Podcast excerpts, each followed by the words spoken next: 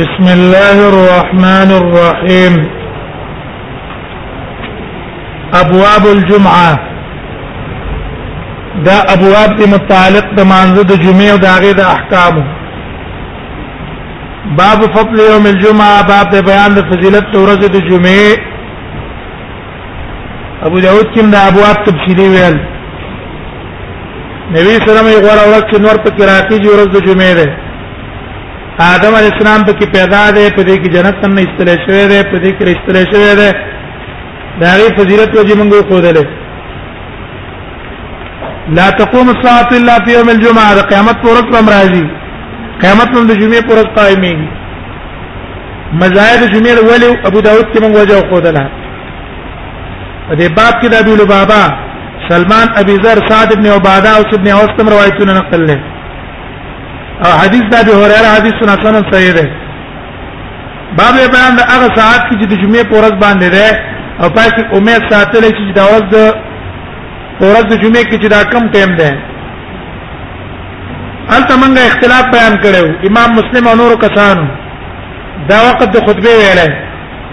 لیکن موږ ترجیح ورکړه نه چې دا د مازیګر وخت ترسته ده هر هغه راجح دی بده کوم تفصیل ورکړو نبی اسلام فرمایي طلب کې هغه ساعت چې امید ساتلې شي په کې د قبلې دلو دعا پر د جمعې پس نمازګر نه تر نور دوبې دو پورې امام ترمذی دا حدیث غریب ته په دې سند باندې او دا حدیث نقل شعر انس نه عن نبی صلی الله علیه وسلم بغیر بل طریقې هم او محمد ابن ابي حمید هغه ته نسبت زوب کې دی شي بعض علم او تزویق لري د وجه د حفظ د وجه او حماد ابن ابي حمید ته هم وایي او دا اصل کې ابو ابراهيم الانصاري دی او منکر الحديث دی بعض علم د اصحاب نبی صلی الله علیه وسلم نور نوای یا ساعت التي ترجى بعد العصر هغه ساعت مې ساتره چې دا د ماجیګر نه رسو ده اعلان تقرب الشمس دا قول احمد د اسحاق قوم ده امام احمد اکثر احادیث هغه ساعت چې امید کېدل شي پاکه د اجابت د دعا انها بعد صلاه العصر دا د ماجیګر نه رسو ده وترجى بعد زوال الشمس او د زوال د شمس نه هم امید ساتل شي عن جد ان يعني النبي صلى الله عليه وسلم قال ان في الجمعه ساعه لا يصل العبد فيها شيئا الا اتى الا اعطاه الله اياه قال يا رسول الله يتساعد كم تيند قال حين تقام الصلاه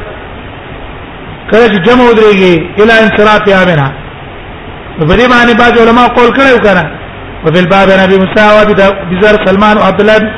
سلام وابي لباب وسعد بن عباده قال ابو سعد بن عمرو بن او آه، حديث حسن غريب ده وانا بيوي قال قال رسول الله صلى الله عليه وسلم خير من في الشمس يوم الجمعه في خلق ادم وفي اكل الجنه وفي هبت منها وفي ساعه لا يوافق عبد مسلم يصلي في صلاة في شيء الا تاويه قال ابو هريره فلقيت ابو داود كنا روايته يل فلقيت عبد الله بن سلام فذكرت له هذا الحديث فقال انا اعلم بتلك الساعه ما تدا ساعات معلوم فقلت اخبرني بها ولا تظنن بها علي ابو خلمك وطاغي بني فما اذا ما جئنا رسول الى ان تغرب الشمس ورته پریکوزي وتماثل فكيف تكون بعد لا سر ماجر مسن کیږي حال الله رسول الله صلی الله علیه وسلم قد مسلمن ويصلي او تلك ساعه الله صلى فيها د ماجر نه خروج کوم نه الله ابن سلام ویل ول رسول الله صلی الله علیه من جرا سمجھ سے انتظار صلات سو چې ځکه کې نه ستاسو مانځ انتظار وکړو دا په مانځ کې ده ما ته ولول نه دغه مطلب ده په بل حدیث قصه طويله حدیث کې دغه قصه ده غره کاف خبرم پکې ده خراب وساوي واز حدیث صحیح وما لا قول اخبرني بها اخبرني بها ولا تظنن بها علي ما لا تقل بها علي ظنين بخيل توي او ظنين متهم تموي وما هو على الغيب بظنين ذات باندې والي ما نه متهم کنا چې تهمت لګیدل چې دا کې نه دروغ وي باب ما جاء في الاغتسال في يوم الجمعه ابو داود کندا مستقل باب کې ویلو دوست صلات کې راوړو التمناسبو الاغتسال يوم الجمعه دغه طهارت قبيله نه دي ما ترجمه ته اختصار اختلاف بیان کړی دی واجب دی سنت دی عن زوري عن عبد الله ابن عبد الله ابن عمر عن ابي عن النبي صلى الله عليه وسلم هذا الحديث عن عبد الله ابن عبد الله ابن عمر عمر عن عبد الله ابن عمر عن النبي صلى الله عليه وسلم مثله وحديث زوري عن سالم عن ابي وحديث عبد الله ابن عبد الله عن ابي كلا الحديثين صحيح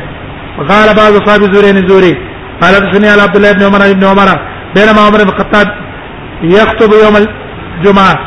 جمعه پر جو خطبه ویل د خلوج بن اصحاب النبي صلی الله علیه وسلم عثمان ابو داود کی مونږ ویل فقال ایت ساعت هذه دا کم ټیم ده ما هو الا سمعت النداء وزنو ما مگر اذان می واردو وما زدت ولا انت وزات صرف او دس می وکړو فقال ولذو اذن او دس می کو فقد علمت تا تپت دا ان رسول الله صلی الله علیه وسلم امر بالغسل نبی صلی الله غسل باندې حکم کړی حدثنا بذلك محمد بن عبان قال كان رزاق النامر الزوري حدثنا عبد الله بن عبد الرحمن قال عبد الله بن صالح عليه بن يونس أن الزهري بهذا الذي وروى ما يقول هذا الذي أن الزهري عن سالم قال بينما عمر يخطب من الجمعة فذكر ليس قال أبو هشام سألت محمدا هذا فقال سيء حديث الزهري عن سالم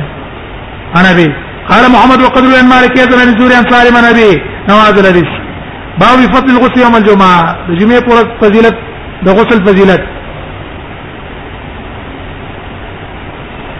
عن يحيى بن الحارث عن ابي الاشعث السناني عن اوس بن اوس قال قال رسول الله صلى الله عليه وسلم ويل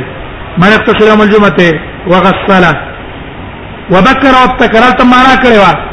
یا تاکید دی جدا جدا ده تاکید معنی جدا او ابزار ده ودنا والسماوات تطا كان له بكل خطوه يقطع اجر سنه صيامها وقيامها هر قدم باندې به یو کال اجر او ثواب لور قال محمود في هذا الحديث قال وثيق اغتسل هو وثينا معنا کړي ده وغسل امراته په خدي غسل واړو ويروان المار كانه قال في هذا الحديث من غسل واغتسل يعني غسل راسه واغتسل ولسر وينزو وبيا ويلم بل ده معنى راجحه وبالبار بكر وعمران بن حسين وسلمان وبذر وابي سعيد وابن عمر وابي ايوب قال ابو سعد سوس بن اوس حديث حسن وبلا شك عن اسمه شرحبيل بن داوود بان في رزو يوم الجمعه تجمع پر د سره په داسو کوم جائز ده ما سمر ابن جندب روایت راوي ابو داود کی مراوله او آه، د سمره بن په اختلاف من کړي چې سماع ثابت ته حسن نه کنا حسن سماع ثابت ته کنا من توضا يوم الجمعه فبها ونعمت وما اقتصر في الغسل افضل وفي الباب ابي هريره وعائشه قال ابي سواي حديث سمره حديث حسن فقد روى بعض اصحاب قتاده هذا الحديث الذي سن قتاده حسن سمره وروى بعض من قتاده حسن عن النبي صلى الله عليه وسلم مرسلا والعمل هذا عند العلم من اصحاب النبي صلى الله عليه وسلم ومن بعده اختاروا غسل يوم الجمعه وروا ان يجزي الوجوب يوم الجمعه غسل كافي كي پورز الجمعه قال الشافعي ما يدل دلالت کی بری خبره چې ان امر النبي صلى الله عليه وسلم بغسل يوم الجمعه انه على الافضل دا بنا په افضلیت باندې اختیار باندې ده وجوب باندې نه ده دلیل په څه دی حدیث د عمر ده حيث قال عثمان عثمان تیل کونه لجو یزن او دستم کړه وقد علمت تات پته چې رسول الله صلی الله امر بالغسل يوم الجمعه فلو علم فرضوان ته پته چې ان امر اول الوجوب چې نبی سما وجوب ده په اختیار باندې نه ده لم يترك عمر عثمان عمر به عثمان نه پرې غوښتل ته يرد چې شاب واپس شه ويقول ارجع فاستقل واپس شه وصلوك اول ته ابو داود کې مونږ ویلو چې په دې باندې اکثر کسانو څه کړی دی په دې باندې اعتماد کړی په ترک د غسل او وجوب په فرضیت ولما خطي على عثمان ذلك ابو عثمان په پټنه پاتې کېدل ما علمي سره دې نه چې ته پتاوه ولكن دل في هذا الحديث په دې حدیث کې دلالت شو په دې خبره باندې چې ان الغسل يوم الجمعه فيه فضل من غير وجوب غسل د ورځ د جمعې په دې کې فضیلت ته واجب نه دی سړي باندې کذالک د قشان انا به ورايره قال قال رسول الله صلى الله عليه وسلم توضا فاحسن الوضوء ثم اتى الجمعه ور فضیلت بیان کو کنه او دس فدنا والسماء فتغفر له ما بينه وبين الجمعه وزياده الصلاه ايام ومن مس الحصى فقد لغى حدیث هم تیر شوی باب ما جاء في التبكير الجمعه جمعه په سړی وخت لاج دغه فضیلت ان رسول الله صلى الله عليه وسلم قال ما اقسم الجمعه غسل جنابة ابو داود کې دا حدیث ویل چا چې غسل کو پرد جمعه په شان تر غسل جنابت الجنابت بلاړو فکان ما قرب بدنا یو کې وړاندې کو مرا د سات اسلام په دې سات کې لاړ فکان ما قرب بقره ویا کې وړاندې کړه الله په نوم باندې ومرا د سات ثالث فكان ما قرب كبشا اقرب ومن راى بساعة رابعة فكان ما قرب دجاجة ومن راى بساعة الخامسة فكان ما قرب بيضة فاذا خرج الامام حضرة الملائكة امام چروته ملائکه خطبه تعذيريږي يستمعون الذكر وفد خطبته وفي الباب عبد الله بن عامر وسمره قال ابو سعد ابي هريره حديثنا سنن صحيح باو ما جاء في ترك الجمعه من غير عذر د جمعې فورت باندې جمعې د بغیر د عذر نه پرې کوستلا د ګناه ده دا دي څنګه د کتاب ویل من ترک الجمعه ثلاث مرات انتهى هنا بریزل پرې کوستلا یا جدا جدا یا روایت مسند فردوس کی قید وسرت متوالیات نو تبع الله على قلب الله بدما تدرما انتو تابو وي وفي باب ابن عمر بن عباس السمرة قال ابو سعيد بن بالجهاد حديثنا سند وسالت محمد عن اسم بالجهاد الزمري داغه نوم بارک من امام بخاری نه تاسو کړو ولم يعرف اسمه اسم نوم ته نو معلوم وقال عارف له هو النبي صلى الله عليه وسلم الا هذا الحديث قال ابو سعيد ولا نعرف هذا الحديث الا من حديث محمد بن عمر فهو ما جاء في كم فی کم یو تایل الجمعه ده کم کم ځای به جمعه باندې راځي د اختلاف په مجمع ابو داود کې بیان کو وکانا انا ابي وكان من اصحاب النبي صلى الله عليه وسلم قال امر النبي صلى الله عليه وسلم ان شد الجمعه من قباء الجمعه منظر قباء جمعه منظر راجو وبالباب عن النبي صلى الله عليه وسلم شيء وقد راى النبي صلى الله عليه وسلم قال الجمعه على من اوى الليل الاله چې دې ته واپس کور ته تللی شي دا ابو هريره قول وهذا حديث اسناده ضعيف انما يروى من حديث معارك بن عباده عن عبد الله بن سعيد المقبري وذهب يحيى بن سعيد القطان عبد الله بن سعيد المقبري في الحديث واختلف العلم على من تجب عليه الجمعه فقال بعضهم تجب الجمعه ولا من اواه الليل الى منزله قام لبيت تقبل كورت ليش لا تجب الجمعه الا من سمع النداء ابو داود كم روايات بھی نہیں الا من سمع النداء ويقول الشافعي واحمد واسحاق سمعت احمد بن الحسن يقول كنا عند احمد بن حنبل من احمد بن حنبل كيف فذكروا لا من تجب الجمعه هغه ذکر کو جمعہ پچا واجب ده فلم يذكر احمد في ان النبي صلى الله عليه وسلم شيئا ذکر نه لو قال احمد بن الحسن قال فقلت لاحمد بن حنبل في ان ابي هريره النبي صلى الله عليه وسلم قال احمد بن حنبل النبي صلى الله عليه وسلم النبي صلى الله عليه وسلم قال له حدیث ته بیان کو انا ابي انا ابي هريره ان النبي صلى الله عليه وسلم قال الجمعه ولا من ولا الا عليه فغضب على احمد دا امام احمد دا احمد بن الحسن ته غوسه شلو فقال استغفر ربك استغفر ربك الله ما بخنه غوار انا بخنه غوار وانما فعل بي احمد هذا امام احمد تولى غصه شو ده قال ذكر لانه لم لم يعد هذا الحديث شيئا امام احمد حديث حدیث مرفوع سره غنل نه وزاحبه لحارس مالي ضيقه باو ما جاء في وقت الجمعه الجمعه وقت الزوال بعد ته مخكره اختلاف بيان کړو ان النبي صلى الله عليه وسلم الجمعه حين تميل الشمس ضرب جزائل جمود ذاك هذا جمهور قال له وفي الباب ابو سان روایت ته اجماع العلم وهو الذي اجمع اكثر اهل العلم اكثر علماء په اجماع کړي چې وقت الجمعه اذا زالت الشمس وي وقت د جمعه کله چې وقت زایل شي په شان ته زما استقیم به وقت ته دا قول امام شافعي احمد اسحاق ورا بعضو د بعض رائے دا ده ان صلاه الجمعه اذا صليت منذ جمعه چې کله وکړي شي قبل الزوال مخکې الزوال نه انها تجوز اذا لهم جائز ده وقال احمد ومن صلى قبل الزوال چا چې زوال مکه وکړه فإنه لم يرى عليه عادا ودوی په دبانې موږ راګرځول نشته باو ما جاء في الخطبه للمنبر منبر د پاسه سره خطبه وای منبر د پاسه ان كان يخطب الى جزر ويقول رسول الله صلى الله عليه وسلم خطبه شد طويله فلما اتخذ المنبر منبر الجزر حن الجزع جزر ويغي اوازونه وكلا حتى طاف فالتزموا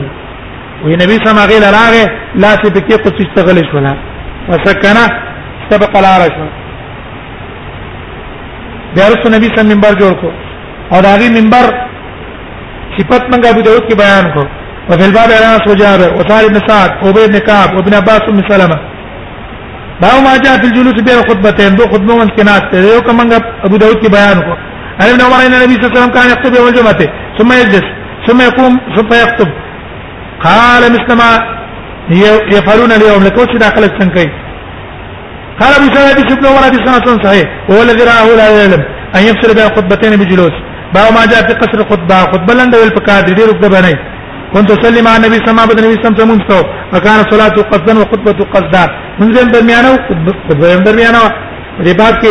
عمار بن عاصر او ابن ابي وفان روایت نقل له ابو سعيد جابر بن صبره حديث حسن فهو ما جاء في قراءة المنبر منبر د باس قران لستل شي او آه. وي ما د نبی الله عليه وسلم يقرأ المنبر يا ونادوا يا مالك يقضي علينا ربه جبل روایت لي حسن غريب حدیث ابن عینا وقد اختار قوم ان يقرأ الامام في الخطبه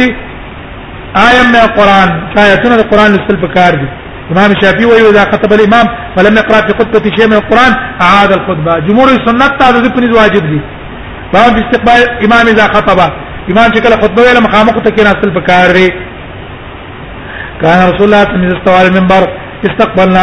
منبر باندې مکه ناس موږ ته مخ کړلو یوجینا په خپل مخونو وبالباب ابن يعني عمر حدیث منصور لا نعرف الا من حديث محمد الفضل ابن عتيه ومحمد الفضل ابن عتيه ضعيف ضعيف الحديث ضعيف ضعيف الحديث ان صابر والعمل على هذا ان عليه او دې باندې عمل له پنځه علماء من اصحاب النبي صلى الله عليه وسلم وغيرهم يستحقون استقبال الامام هي استقبال الامام خغني اذا اذا خطب وهو قول سفيان الثوري والشافعي واحمد واسحاق قال ابو سعيد ولا يصح في هذا الباب عن النبي صلى الله عليه وسلم في شيء وان النبي صلى الله عليه وسلم في باب کې څه نه ده باب في الركعتين اذا جاء الرجل الامام يخطب امام چې کله خطبه وي برکات تحیت المسجد پکار ده مثلا مخکې بیان شوی اذا جاء رجل قال بينما النبي صلى الله عليه وسلم يخطب يوم الجمعه یو سره راغی فقال النبي صلى الله عليه وسلم منذ کړه قال لا وینا قال فقم فرقا فاتك ركعتك قال ابو سعيد حديث صحيح يبلغ كم لي ابي سعيد ان ابا سعيد دخل يوم الجمعه ومروان يخطب مروان خطبه ولا فقام ابو سعيد دري منذ كو فجاء الحرس وسوكدار راغي يجلسوا جدا كينه فابا انكارك حتى صلى بركاته سلام چې وکړو موږ ترالو موږ تر الله دې پتا رحم کی ان کادو له قاو بک نږدې وجواله وي حال ما كنت لاتركو ما ذبري كنت اتركاتا بعد شيء رأيت من رسول الله صلى الله عليه وسلم ما النبي صلى الله عليه وسلم ثم ذكر ان رجلا جاء يوم الجمعه في هيئه بذة زري كنت جامع والنبي صلى الله عليه وسلم يخطب يوم الجمعه فامره فصلى ركعتين وركعتين وكل والنبي صلى الله عليه وسلم يخطب قال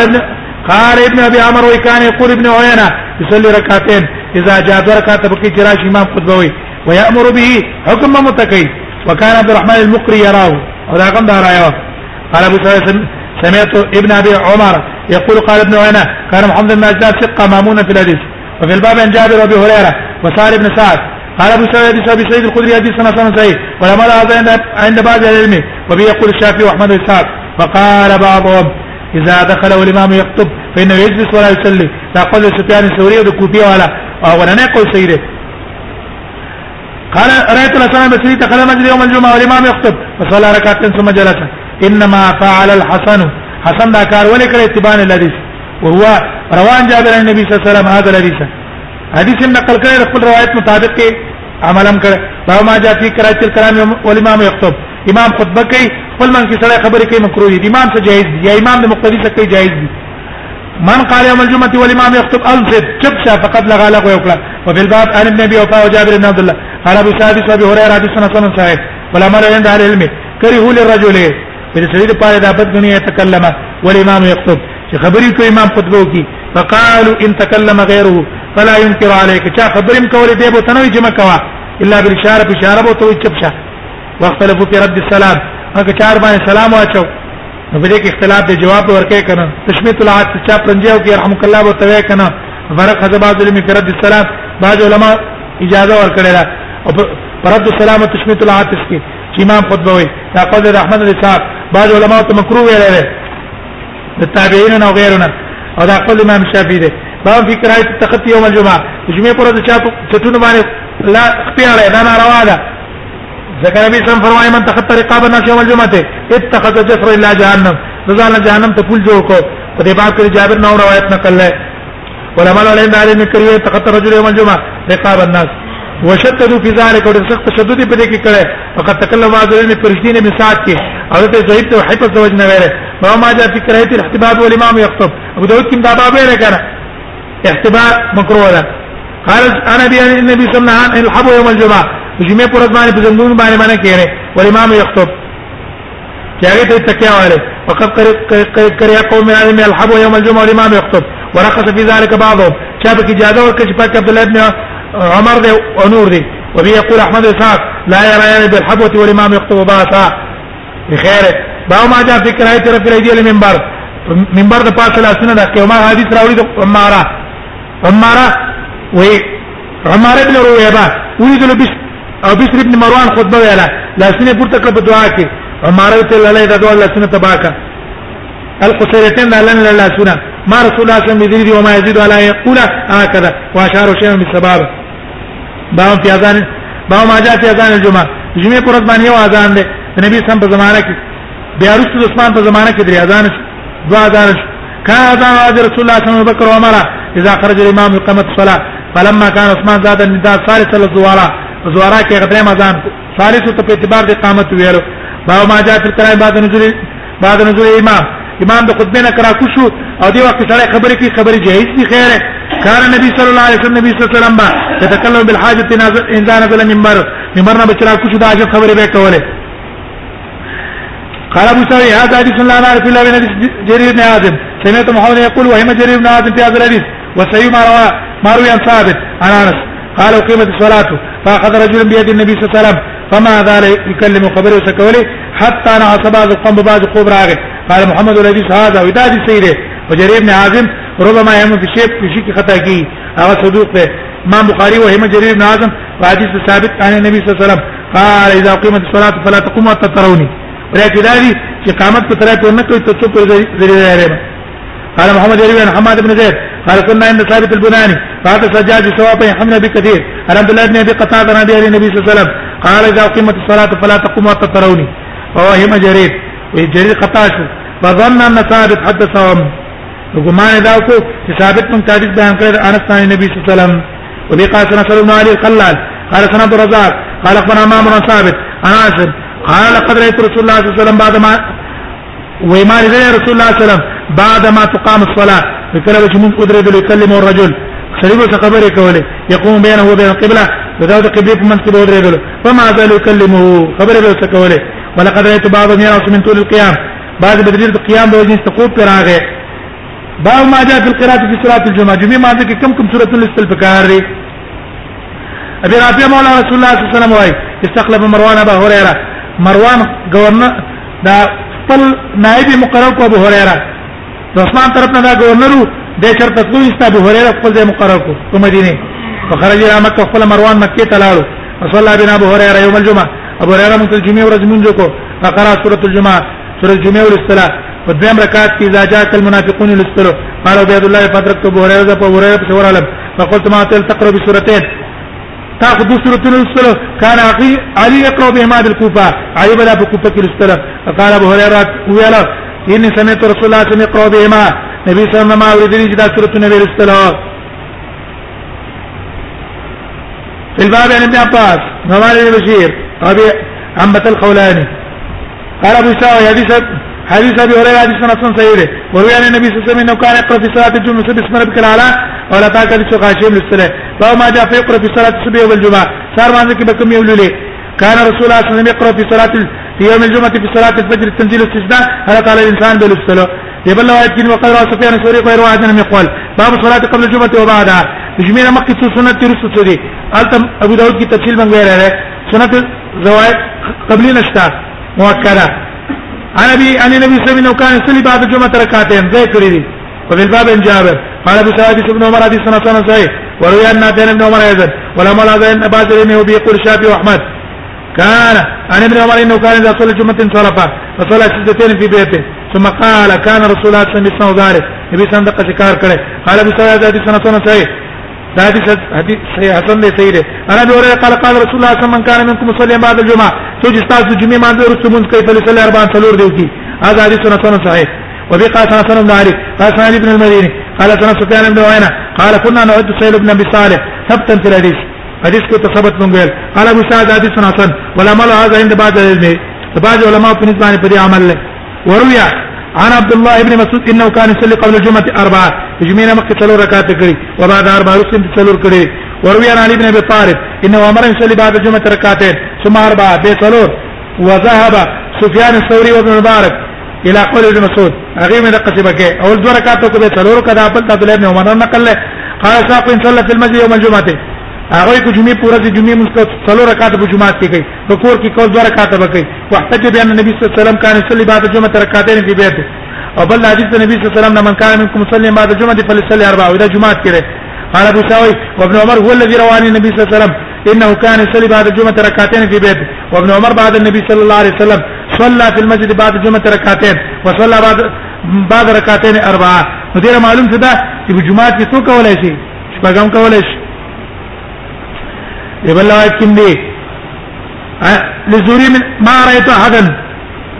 ويوتا من الذي له الدراهم هو عنده منه چې پیسې به د پنځ باندې سپکې وي ان كانت الدراهم عنده بمنزله البحر وې د زوري پشان اے وې د عمرو بن دینار نه ده عمرو بن دینار هغه د زوري پنځ باندې به د پیسې د پچو پشان حیثیت بیان لرلو قال ابو اسحاق سمعت ابن ابي عمره يقول سمعت سفيان بن عيينه يقول كان امر دينار اصلا من الزهري ها اذا زهري ته عمر کې مشهور باو فيما يترك من الجمعه ركعه جمعه جمعه پر دې رکعات مند کو اختلاف ابو داود کې من بیان کو انا ابي هريره عن النبي صلى الله عليه وسلم قال من ادرك عن صلاته ركعه فقد ادرك الصلاه انا ابو سعيد هذا حديث حسن صحيح ولما هذا عند اكثر من اصحاب النبي صلى الله عليه وسلم وغيرهم قالوا من ادرك ركعه من الجنه صلى اليها اخرى بل لك ابو سعيد او چا چې من ذکر بجلوس کې صلى اربعه نقول سفيان الثوري ومارك شافعي احمد اسحاق ده فهم في القاهره يوم الجمعه جمعه پر باندې غرمه قبرص په کار ده لا فياج رسول الله صلى الله عليه وسلم بعد الجمعه ومن بدوري او غرمه خوب د جمعه باندې رستکو او بل بعد انا سن مالك فهم في في من يوم الجمعه جمعه په باندې تراته خوب دل درغه دا غزنه پاتې کده بل ځای ته نقل شه نبی صلی الله علیه وسلم اذا انا صلاتكم الجمعه فلا تحول مجلس ذلك دا غزنه نقل چې خوبي بدل شي قال بعث النبي صلى الله عليه وسلم روحا في سريه في سريه کې ولګل باب ما جاء في السفر يوم الجمعه د جمعې پر ورځ باندې سفر جائز دی عبد الله بن رواحه په سفر کې سريه کې ولګل فوافق ذلك يوم الجمعه جمعې پر ورځ باندې موافق راغی فغدا صاحب او سار وقت مرګ ویلا دی ولا تخلف زبشات شم وسلم على رسول الله صلى الله عليه وسلم منذكم به په صلات شم د نبی سم ته منځو کو نبی سم هغه ولیدلو وای چې منه کړته چې د خپل مګر صلات شي دوی ته لاره ته نصلي معك ما را دوی ته تاسو مونږ کوه یا باقي په صلاح شم فقال النبي صلى الله عليه وسلم انفقت في الارض ما ادركت فضل غدوتهم کته مکه کې راتو چې خرج کی کنه تبه دا غي سبا فضیلت مندنه کې قال ابو سعد حدیث الله علیه وسلم من هذا الوجه قال ابن المديني قال ابن سعيد لم يسمع الحكم من مقسم الا خمس حديث وعدا شعبة وذي سابكري شعبة وليس هذا الحديث فيما عدى شعبة وكأن هذا الحديث لم يسمع الحكم من مقسم وقد اختلف اهل في السفر يوم الجمعه علماء اختلاف في السفر کې پروز جمعه فلم يرى بعضهم باسا جاء الخير فيخرج يوم الجمعه في السفر ما لم تقصر الصلاه وقال بعضهم اذا اصبح فلا يخرج حتى يصلي الجمعه سبا پی داو خطو کنا د سفر نه کې پروز جمعه پورې باب سوا کوتی به يوم الجمعه خوشبو لګول پکار دي نبی صلی الله علیه وسلم فرمایي حقا على المسلمين يقتصر يوم الجمعه ولا مساعد من طباله فلم يجد فالماء له طيب فنه بسود الان بدام خوشبو په ځای باندې کافر وبالباء من ابي سعيد وشيخ من الانصار